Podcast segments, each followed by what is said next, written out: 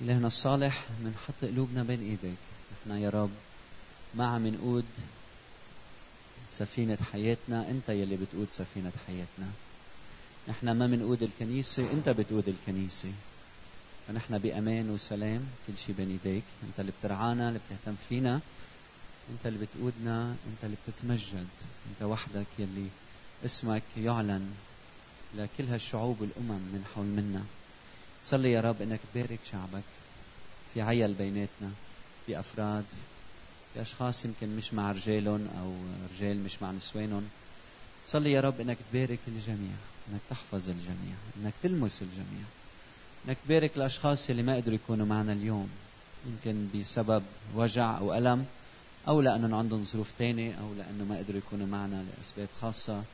نصلي من أجل الجميع يا رب شعبك عائلتك كنيستك أينما كانت في العالم. نعلن سلطانك على حياة كنيستك نعلن قدرتك قوتك نعلن مجدك يا رب على الكنيسة. تمجد وتعظم. أنا يا رب بحاجة لإلك. فأعطيني قوة من عندك ولك كل المجد من الآن وإلى الأبد. آمين. آمين يا رب. اليوم القراءة من المزمور 27 فنفتحه مع بعض لحتى نقرأ كلمة الرب. حلوين المزامير. المزمور هيدا عمره أكثر من 3000 سنة. وبعده بيحكي معنا لأنه هيدي كلمة الرب اللي بتحكي معنا. داود الملك بيقول الرب نوري وخلاصي ممن أخاف. الرب حسن حياتي ممن أرتعب. عندما اقترب إلي الأشرار ليأكلوا لحمي مضايقي وأعدائي عثروا وسقطوا. إن نزل علي جيش لا يخاف قلبي. إن قامت علي حرب ففي ذلك أنا مطمئن. واحدة سألت من الرب وإياها ألتمس. أن أسكن في بيت الرب كل أيام حياتي. لكي أنظر إلى جمال الرب وأتفرس في هيكله. لأنه يخبئني في مظلته في يوم الشر يسترني بستر خيمته على صخرة يرفعني. والآن يرتفع رأسي على أعدائي حولي فأذبح في خيمته ذبائح الهتاف. أغني وأرنم للرب. استمع يا رب بصوتي أدعو فارحمني واستجب لي. لك قال قلبي قلت اطلب وجهي. وجهك يا رب نطلب لا تحجب وجهك عني. لا تخيب بسخط عبدك. قد كنت عوني فلا ترفضني ولا تتركني يا إله خلاصي إن أبي وأمي قد تركاني والرب يضمني. علمني يا رب طريقك واهدني في سبيل مستقيم بسبب أعدائي. لا تسلمني إلى مرام مضايقية لأنه قد قام علي شهود زور. والذين يطلقون السموم كالحياة ونافث ظلم. لولا أني آمنت بأن أرى جود الرب في أرض الأحياء. انتظر الرب ليتشدد وليتشجع قلبك. وانتظر الرب وليبارك الرب هذه التأملات إلى قلوبنا وله كل المجد. آمين. يلي بيتمعن بهالمزمور وبيدرسه هيك بعمق بيلاحظ إنه داود لما كتب هالكلمات الهيئة أنه كان ملاحق من الأعداء. كانت ظروفه صعبة كانت أيامه صعبة. يمكن البلد اللي كان عم بيعيش فيه كان صعب كان في ظروف صعبة لدرجة أنه ما كان قادر يروح على بيت الرب ويصلي ويعبد.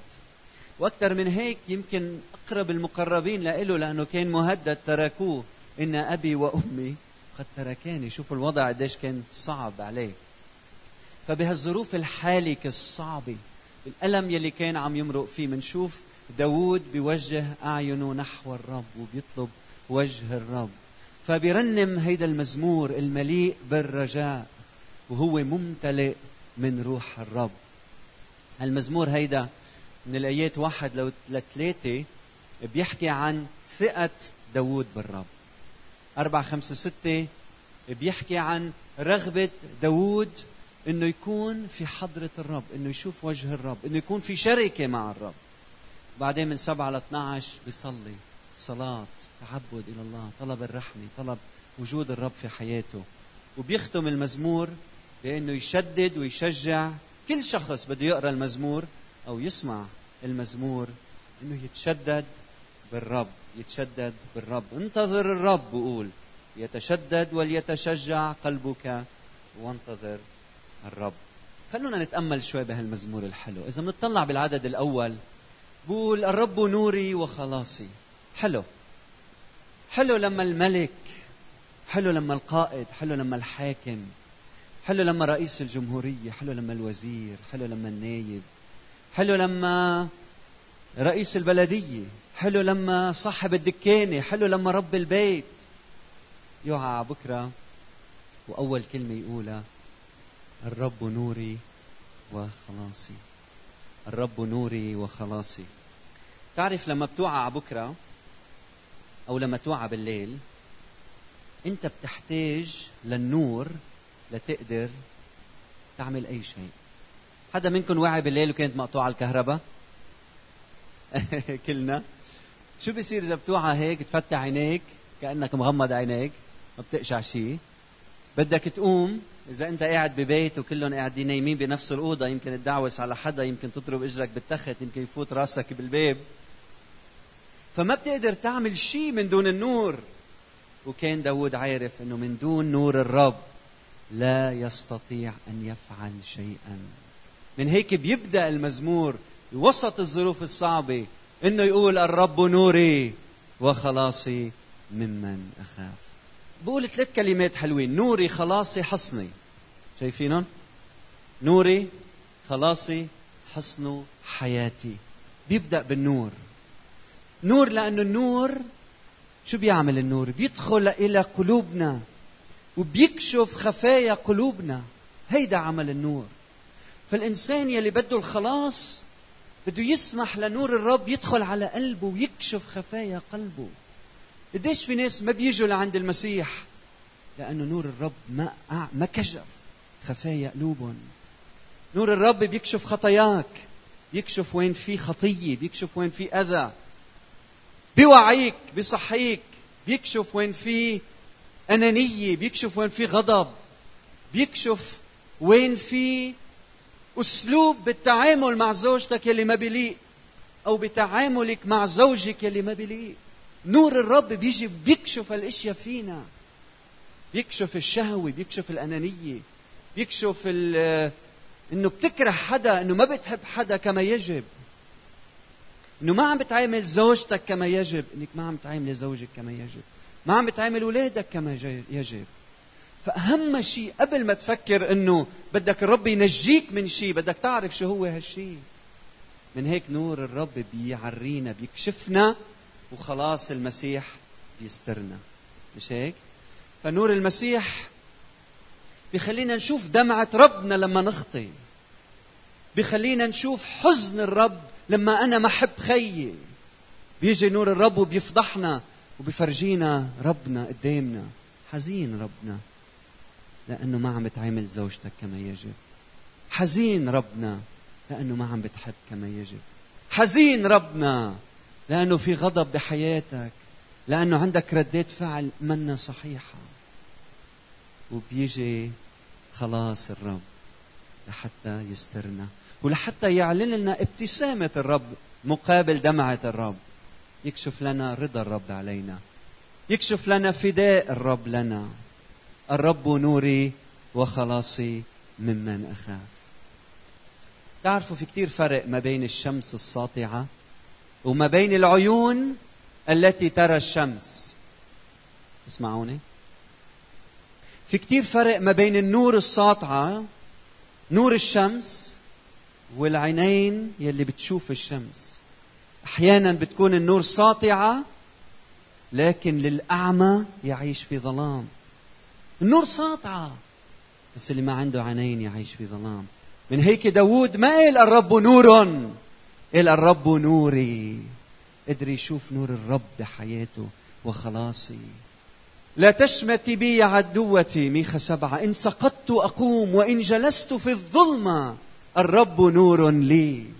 عندك ينبوع الحياة وبنورك نرى نورا.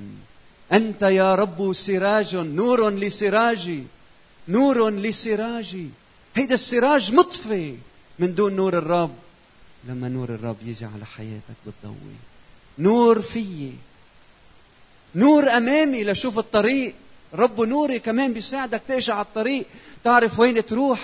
أي قرار تاخذ بالحياة. أي موقف تاخذ بالحياة. ونور من حولك في أعداء. الملاك الرب حال حول خائفيه وينجيهم. نور من حولك ليحميك من الظلم ومن الخطية. وبالإيمان نور من خلالك ليشع في هذا العالم. الرب يسوع المسيح بوسط هذا العالم وقف وقال أنا أهين إيه؟ أنا نور العالم ومن يتبعني لا يمشي في الظلمة بل يكون له نور الحياة. وهالكلام يلي نطق فيه يسوع المسيح كان عم بيحقق أهم نبوة بالعهد القديم أو وحدة من أهم النبوات. قليل عليك أن تكون لي عبدا لإقامة أصباط يعقوب ورد محفوظي إسرائيل. قد جعلتك نورا للأمم لتكون خلاصي إلى أقصى الأرض. نور وخلاص. نور وخلاص. بيمشوا مع بعضهم البعض. يوحنا برسالته بقول إن سلكنا في النور كما هو في النور لنا شركة مع بعضنا البعض. وهلأ الخلاص ودم يسوع المسيح ابنه يخلصنا من كل خطية. نحتاج إلى النور نحتاج إلى الخلاص. من بعد ما النور يكشفنا والخلاص يسترنا بيجي للحصن ليحمينا. مش هيك؟ الرب حصن حياتي. هلا يسوع عم بيحامي عنك. هلا ربنا عم بيدافع عنك عم يعمل هو الحرب عنك. وعم بيحامي هو الحصن لحياتنا. بدي أسألك ما بتلاحظ أيام في أشخاص بتكون عايش معهم سنين وسنين وبتحس حياتهم ما عم يجوا للخلاص ما عم يختبروا ربنا؟ مش هيك؟ ليه؟ لأنه بعد النور ما فضح خطاياهم. بعد ما فتحوا قلوبهم للمسيح ليجي بنوره ويقول لك أنت خاطئ بتشوفوا متكلين على أعمالهم وعلى ذكائهم وعلى فلسفتهم وعلى كبريائهم وعلى تاريخهم وعلى أموالهم. يحتاجوا للنور ليفضح زوايا قلوبهم. ما بتشوف ناس مؤمنين صار لهم فترة بالإيمان. ما بينمو صاير شايفين حدا هيك؟ ما عم يفهم عليك منه على الموجة تبعك ما عم يستوعب الأمور الروحية اللي بتحكيها. مؤمن. شو المشكلة بتعرفوا؟ المشكلة ما عم يسمح لنور الرب يدخل على القلب. ما تفكروا المؤمن يعني خلص نضج آمن نضج. لا عنده ضعفات وعم ينمى عم ينمى في معرفة الرب. إذا بيسمح للرب إذا بيقعد بحضرة الرب دخيلك يا رب. نور. شوف داخلي. شوف وين في عدم أمانة. شوف وين في شعور بعدم الاكتفاء. شوف وين عندي غضب. شوف وين عندي حزن. شوف وين أموري ما بتليق. وعالجني يا رب. ليش عندي حزن؟ ما عم عيش مبسوط بقى. يا رب شوف هالشيء فالإنسان يلي ما عم ينمى روحيا اسأله قديش عم يقعد مع الرب. قديش عم بيخلي نور الرب يكشف زوايا قلبه. قبل ما نفكر بغيرنا بنفكر بنفوسنا. دايما نحن وقت نفكر حدا ضعيف بالإيمان تتفكر فلان فليتين أنا.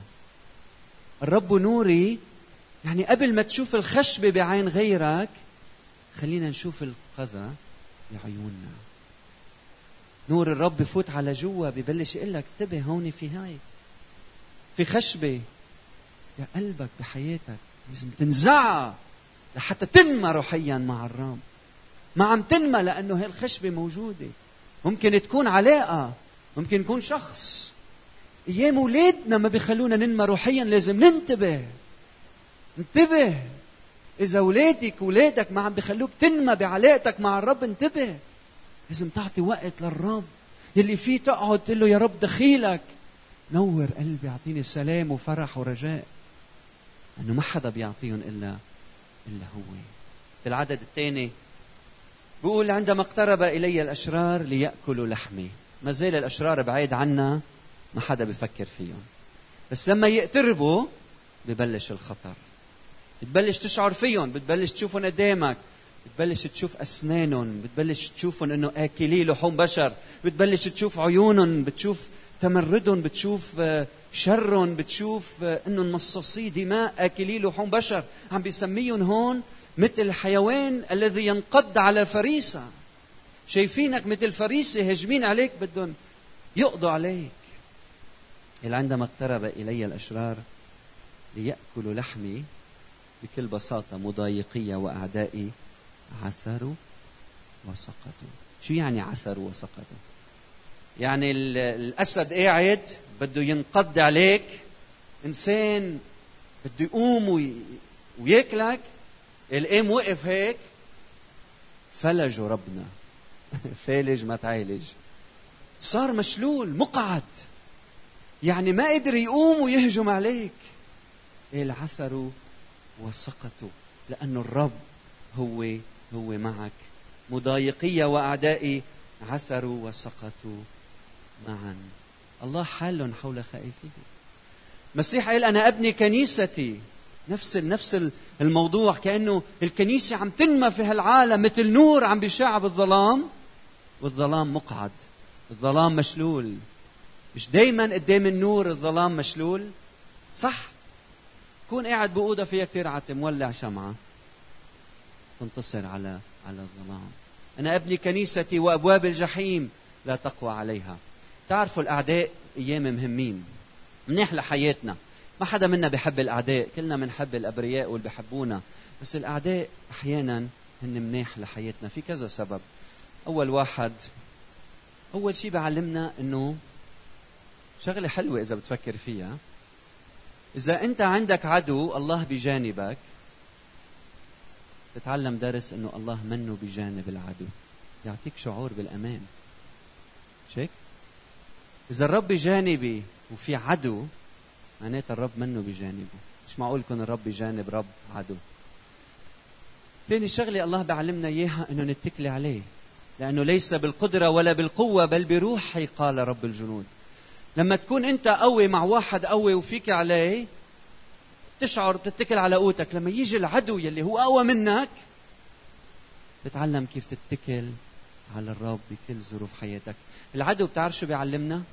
بيعلمنا إنه مش كل شخص بتفكره عدو هو عدو حقيقي. لما تشوف العدو الحقيقي جاي عليك ساعتها بتوعى إنه خيي هيدا مختلف عني منه عدو. جارتي بالبناية يلي كنت ما أحكي معه وما سلم علي وتتكبر علي اكتشفت إنه نحن فينا نتحد مع بعضنا ضد هيدا العدو. الأحزاب السياسية بلبنان بيتحدوا لما يجي عدو من برا. قديش بالحرب اللبنانية كنا عايشين جيران ما يحكوا مع بعضهم بعدين لاقوا بعضهم بالملجأ عم يلعبوا ورق مع بعضهم. بيصيروا أصدقاء. الأعداء بخلونا نحافظ على نفوسنا. يخلونا نعيش بالتقوى والقداسة والبر. في شاعر عربي قديم بيقول عداية لهم فضل علي ومنة. فلا أبعد الرحمن عني الأعادية هم بحثوا عن زلتي فاجتنبتها وهم نافسوني فاكتسبت المعالي. لما تشوف عدو تعلم كيف أنت تعيش بالتقوى والقداسة والبر وبيسوع تنتصر. وبتكتسب المعالي في درس كثير مهم لازم نتعلمه اليوم. لازم نتعلم إنه الله بكرسح عدوك. بس اسمعوني منيح إنه هيدي فينا نسيء فهمها بكل سهولة. يعني عدو مشيئة الله ربنا بحطه على جنب. بس هيدا ما بيعني كل شيء أنت بتفكره عدو هو بيكون عدو. نحن الألم بالنسبة لنا عدو. الوجع بالنسبة لنا عدو. لما تكون طفرانة جابتي عدو. لما الظروف تكون صعبة عدو. لما يكون في شيء مشكلة عدو. بس هيدا مش هيدا اللي عم نحكي عنه. عدو مشيئة الرب لإلك. ربنا بيمنعه إنه يمسك يقرب عليك. يعني إذا الرب بده إياك تنتقل من نقطة ألف لنقطة بي اي بي مستحيل حدا يقدر يوقف بوجه ربنا إذا مشيئته إنك تنتقل من هنا لهناك. بس تذكر دايما إنه مش كل ألم هو عدو. مش الغنى بركة والفقر عدو. أيام الفقر هو بركة وأيام الغنى بركة. أيام الفقر عدو والرب ما بده إياه لك أيام الغنى عدو والرب ما بده إياه لك لكن عدو مشيئة الرب يهزم أمام الله. العدد الثالث إن نزل علي جيش لا يخاف قلبي. يعني أنت قاعد في بيت هيك مطمئن مع أولادك. عم تعشى أنت وياهم تطلع هيك من الشباك بتشوف من هالتلة نازل جيش. بكل سلاحه وعتاده وجيوشه وطائراته وصواريخه. هيجم عليك جيش وأنت لوحدك في البيت. إلا يخاف قلبي لأنه أنت يا رب معي. أنت يا رب معي. إن قامت علي حرب يعني اجتمعوا وخططوا وحلموا وتفلسفوا وهيئوا واتحدوا ضدك قامت عليك حرب واعملوا مثل ما بدكم تعملوا واتفقوا مع بعض واتحدوا مع بعض وهجموا علي قال أنا ساكن وعندي اطمئنان ليه؟ لأنه يلي بيقلب الحكام يلي بيغير ظروف الحياة واللي له سلطان على كل إنسان ويلي ملوك العالم كجداول في يده هو معي. مش معكم هو معي. من أجل ذلك أعيش بإطمئنان بإطمئنان حقيقي. شو عم بيقلنا داود؟ عم بقول داود إنه لو شو ما صار حواليك إذا الرب عنده مشيئة لإلك بدها تتحقق شو ما صار يعني إذا مشيئه الله الحياة لإلك إنك تعيش لو كل بيوت لبنان سقطت وصار في زلزلة بالكون أنت بتضلك حي لأنه الرب بده إياك تعيش. صح؟ وإذا الرب بده إياك تروح لعنده لو عايش بأفخم قصر وأكثر أمانة بتنام ولا تستيقظ في اليوم الآخر. مشيئة الله لحياتك بدها تتحقق. فأنت سلم لهالمشيئه وعيش بإطمئنان وبفرح وبأمان. شو حلوة؟ شو حلو عدم خوفه لداوود؟ قديش حلو عدم خوفه لداوود؟ كنت قاعد عم أتأمل بعدم خوفه لداوود وكنت عم أسأل هل الكتاب المقدس بيعلمنا عن عدم الخوف؟ مش هيك لا تضطرب قلوبكم ولا ترهب. قلت أنا شو هن وعود الرب لنا نحن كثير بنسمع وعظ والله بيوعدنا بأشياء وبي وهيك بنصير بالهوى وعندنا أحلام وقصص. بعدين بنكتشف إنه في كثير أشياء منا من الرب. فرحت أقرأ إنجيل متى كلمة كلمة. وأوقف على كل وعد الرب بيعطينا إياه. وبذهني كذا سؤال. أول سؤال قلت أنا هل يعدنا المسيح بالغنى المادي؟ وصلت للآية اللي بتقول اذهب وبع أملاكك وأعطي الفقراء فيكون لك كنز في السماء. فاكتشفت إنه الله ما بيوعدنا بالغنى المادي إذا بنجي لعنده. بيوعدك بالغنى الروحي كنز في السماء.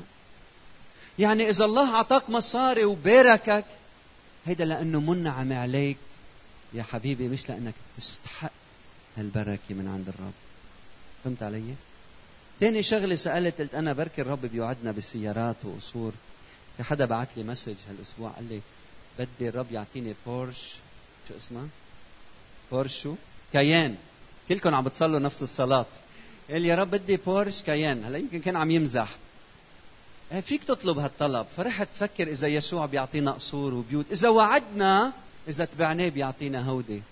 وصلت للآية اللي بتقول للثعالب أوجرة ولطيور السماء أوكار. أما ابن الإنسان فليس له أين يسند رأسه وليس تلميذ أفضل من معلمه. فقلت أنا إذا عندي بيت هيدا لأنه الله منعم علي مش لأنه بستحق يكون عندي بيت مش لأنه الرب وعدني أنه رح يعطيني بيت بس لأنه الله منعم وكريم علي. قلت أنا بركي الرب بيوعدنا بالشهرة. كاتب كتاب عم ينباع ب 400 دولار. قلت أنا يلا بركي هلأ الرب بيعطينا شهرة وبنصير مشهورين. فرحت اطلع على بركي الرب بإنجيل متى بيوعدني بالشهرة. وصلت للفصل العاشر يلي بيقول سيسلمونكم إلى مجالس. تساقون أمام ولاة وملوك. تكونون مبغضين من الجميع. وين الشهرة؟ بعدين وصلت للآية 28 من الفصل العاشر. بيقول لا تخافوا. بتذكروا داود؟ لا تخافوا هيك شو عم بقول لكم؟ لا تخافوا من الذين يقتل الجسد. ما تخافوا من يلي بيقتل الجسد. لكن النفس والروح والجسد لا يقدرون أن يقتلوها. بل خافوا بالحري من الذي يقدر أن يهلك النفس والجسد كليهما في جهنم. فما تخافوا من يلي بيقتل الجسد. خافوا من يلي بيقتل النفس والروح كليهما في جهنم يلي هو الرب. بعدين بيقول أليس عصفوران يبعان بفلس؟ وواحدة منهما لا يسقط على الأرض بدون أبيكم. يعني إذا في عصفور قاطع بالجو مستحيل يوقع من دون مشيئة ربنا. حتى شعور رؤوسكم محصاة وأنتم أفضل من العصافير كلها مش هيك؟ أنتم أثمن أنتم أغلى هل معناتها المؤمن ما بيموت ما بيتألم؟ العصفور ممكن يسقط بس ما في شيء بيصير خارج مشيئة الرب انتبهتوا علي؟ وهيدا بيعطينا اطمئنان رهيب يعني أنا وقت بطلع من شغلي بدور سيارتي وبروح على بيتي أو العكس أنا عندي شعور بالإطمئنان إنه مستحيل يصير شيء بحياتي إذا الرب مش منا مشيئته. وإذا صار في أحلى منا ما هيدي مشيئته. ما هيدي مشيئة الدادي ما هيدي مشيئة بينا. من هيك الإنسان لازم وقت يطلع من بيته ويصرخ الرب نوري وخلاصي ممن أخاف الرب حسن حياتي ممن أرتعب. يشعر بالإطمئنان والسلام. إنه إذا الرب بده الحياة لإله مستحيل لعدو النفوس. إنه يقدر عليه ويسيطر عليه. فلا تخافوا أنتم أفضل من عصافير كثيرة. فكل من يعترف بي قدام الناس أعترف أنا أيضا به قدام أبي الذي في السماوات. هيدا وعد الرب لنا وهيدا أجمل وعد. إنه أنا رغم كل شيء بتعمله رغم كل الضعفات اللي بنوقع فيها أنا رح أعترف فيك قدام بي السماوي. مش أحلى من القصور ومن الغنى والمال. رح أعتني فيك وأهتم فيك وأرعاك وعلمك ودربك وباعترافك لإلي قدام الناس. تأكد انه قدام الآب السماوي أنا أعترف بك. طيب شو عمل داوود وقت الضيق وقت الصعوبات؟ بالأيام المرة شو بتعمل لما الأعداء يكونوا من حولك؟ شو بتعمل لما العلاقة الزوجية تكون موترة؟ شو بتعمل لما ظروف الحياة تكون معاكسة؟ شو بتعمل لما مش قادر تتفاهم انت وزوجتك؟ يلي ما عم تفهموا على بعض بتقضوها نقرة ومخانقة. شو بتعمل لما الرب ما بيكون عم يعطيك أولاد؟ تشعر إنه يا رب ما عم تعطيني ما عندي أولاد. شو بتعمل لما تحس إنه الأولاد ما عم بيطيعوا أهلهم في صراع بالعيلة بين الأولاد والأهل؟ شو بتعمل لما تكون طفرانة جيبتك شو بتعمل لما تحس الناس ضدك؟ شو بتعمل لما تحس إنك عايش بحرب ومعركة؟ قال داود واحدة سألت من الرب وإياها ألتمس أن أسكن في بيت الرب كل أيام حياتي لكي أنظر أتأمل جمال الرب وأتفرس في هيكل قدسه. ما بدي شيء يا رب. أنا بعرف إنه جمال الناس ما بيعطيني اكتفاء. جمال الأشياء ما بيعطيني اكتفاء. جمال المركز ما بيعطيني اكتفاء. جمال الآخر ما بيعطيني اكتفاء. اللي بيعطيني اكتفاء جمالك يا رب. إني أتأمل جمالك. لما أشوف ابتسامة الرضا على وجهك لما أشوف عينين عم بيحدقوا فيي بمحبة بقبول شعور بالأبوة لما أشوف وجهك يا رب هيدا بيعطيني الاكتفاء الداخلي. واحدة سألت من عند الرب إنه اتمتع بجمالك أيها الرب. طيب وين أصدقائك يا داوود؟ ليش عم بتقول لا تحجب يا رب وجهك عني؟ هل أدي وحيد؟ قال إن أبي وأمي قد تركاني. مين آخر شيء بيتركك؟ إذا حدا بده يتركك بيك وأمك مش هيك؟ وصل الوضع مسيء لهالدرجة إنه أبي وأمي قد تركاني. هل محبة الأب بتموت بتجف؟ هل حنان الأم عطف الأم بجف؟ هل ممكن إنه الولد يسيء لأهله لدرجة إنه أهله يقولوا نحن نبرم وجهنا وبنتركك؟ هل ممكن الولد يربى بأجواء يلي يحس فيها دادي والمامي تاركيني كل ما يكونوا بالبيت بيتخانقوا وبيتشارعوا أنا عايش لوحدي. ما حدا حاسس بمشاكلي بهمومي بضعفي بألمي بيي بالشغل أمي بالشغل ما حدا عم يهتم فيي أنا شاعر إني وحيد. هل ربيت بهيك ظروف. هل اختبرت هيك نوع حياة؟ هل اشتقت لواحد يضمك ويغمرك ويحبك ويعطيك عطف قال إن أبي وأمي قد تركاني والرب يضمني. الرب يضمني. لما كل ظروف الحياة تتغير والرب عم بيضمك شو في شي بيزعلك؟ بنتي كان عم يوجعها راسها إجت لحضن بيها أولادنا لما بيوعوا بالليل وبيبصروا شيء مش حلو بيركضوا ليتخبوا بين إيدين بي وأمهم. مش هيك؟ حبيبي أنت عندك إلهك. تشجع عيش بأمان عيش بفرح عيش بسلام. عيش حالة الانتصار. أنت قاعد بحضنه قاعد بحضنه. بينهي داود المزمور بيقول لولا أني آمنت أن أرى جود الرب في أرض الأحياء. آمنت أن أرى جود الرب بأرض الأحياء بأرضنا. شو حلو؟ شو حلو الإنسان لما يآمن أنه يشوف مش أنه يشوف حتى يآمن. شو حلو شو حلو المؤمن لما يآمن بجود الرب رغم كل شيء عم بيصير بالعالم. وبعدين بيشوف جود الرب وبيزيد إيمانه. بدك تقشع لتآمن؟ ولا اليوم مثل داوود بدنا نآمن لكي نرى جود الرب؟ وكلمة الرب عم بتشجعك اليوم. الرب عم بيقول لك انتظر الرب. تشدد وليتشجع قلبك. انتظر انتظر الرب. هل بدنا نعيش هالمزمور بحياتنا؟ هل بدنا نعيش اطمئنان عدم الخوف؟ هل بدنا نشارك هالمزمور مع أصدقائنا حوالينا؟ تعالوا نرجع نقرأ الآيات اللي درسناهم مع بعض. وتمرين للأسبوع الجاي أنه نحفظ الأربع آيات إذا ممكن إذا حبيتوا. الرب نوري وخلاصي ممن أخاف.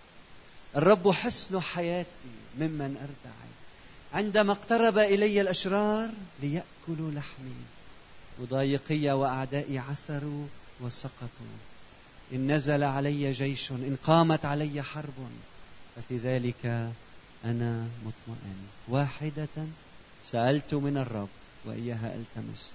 أن أسكن في بيت الرب كل أيام حياتي لكي أتأمل لكي أنظر لكي أنظر إلى جمال الرب وأتفرس في هيكله.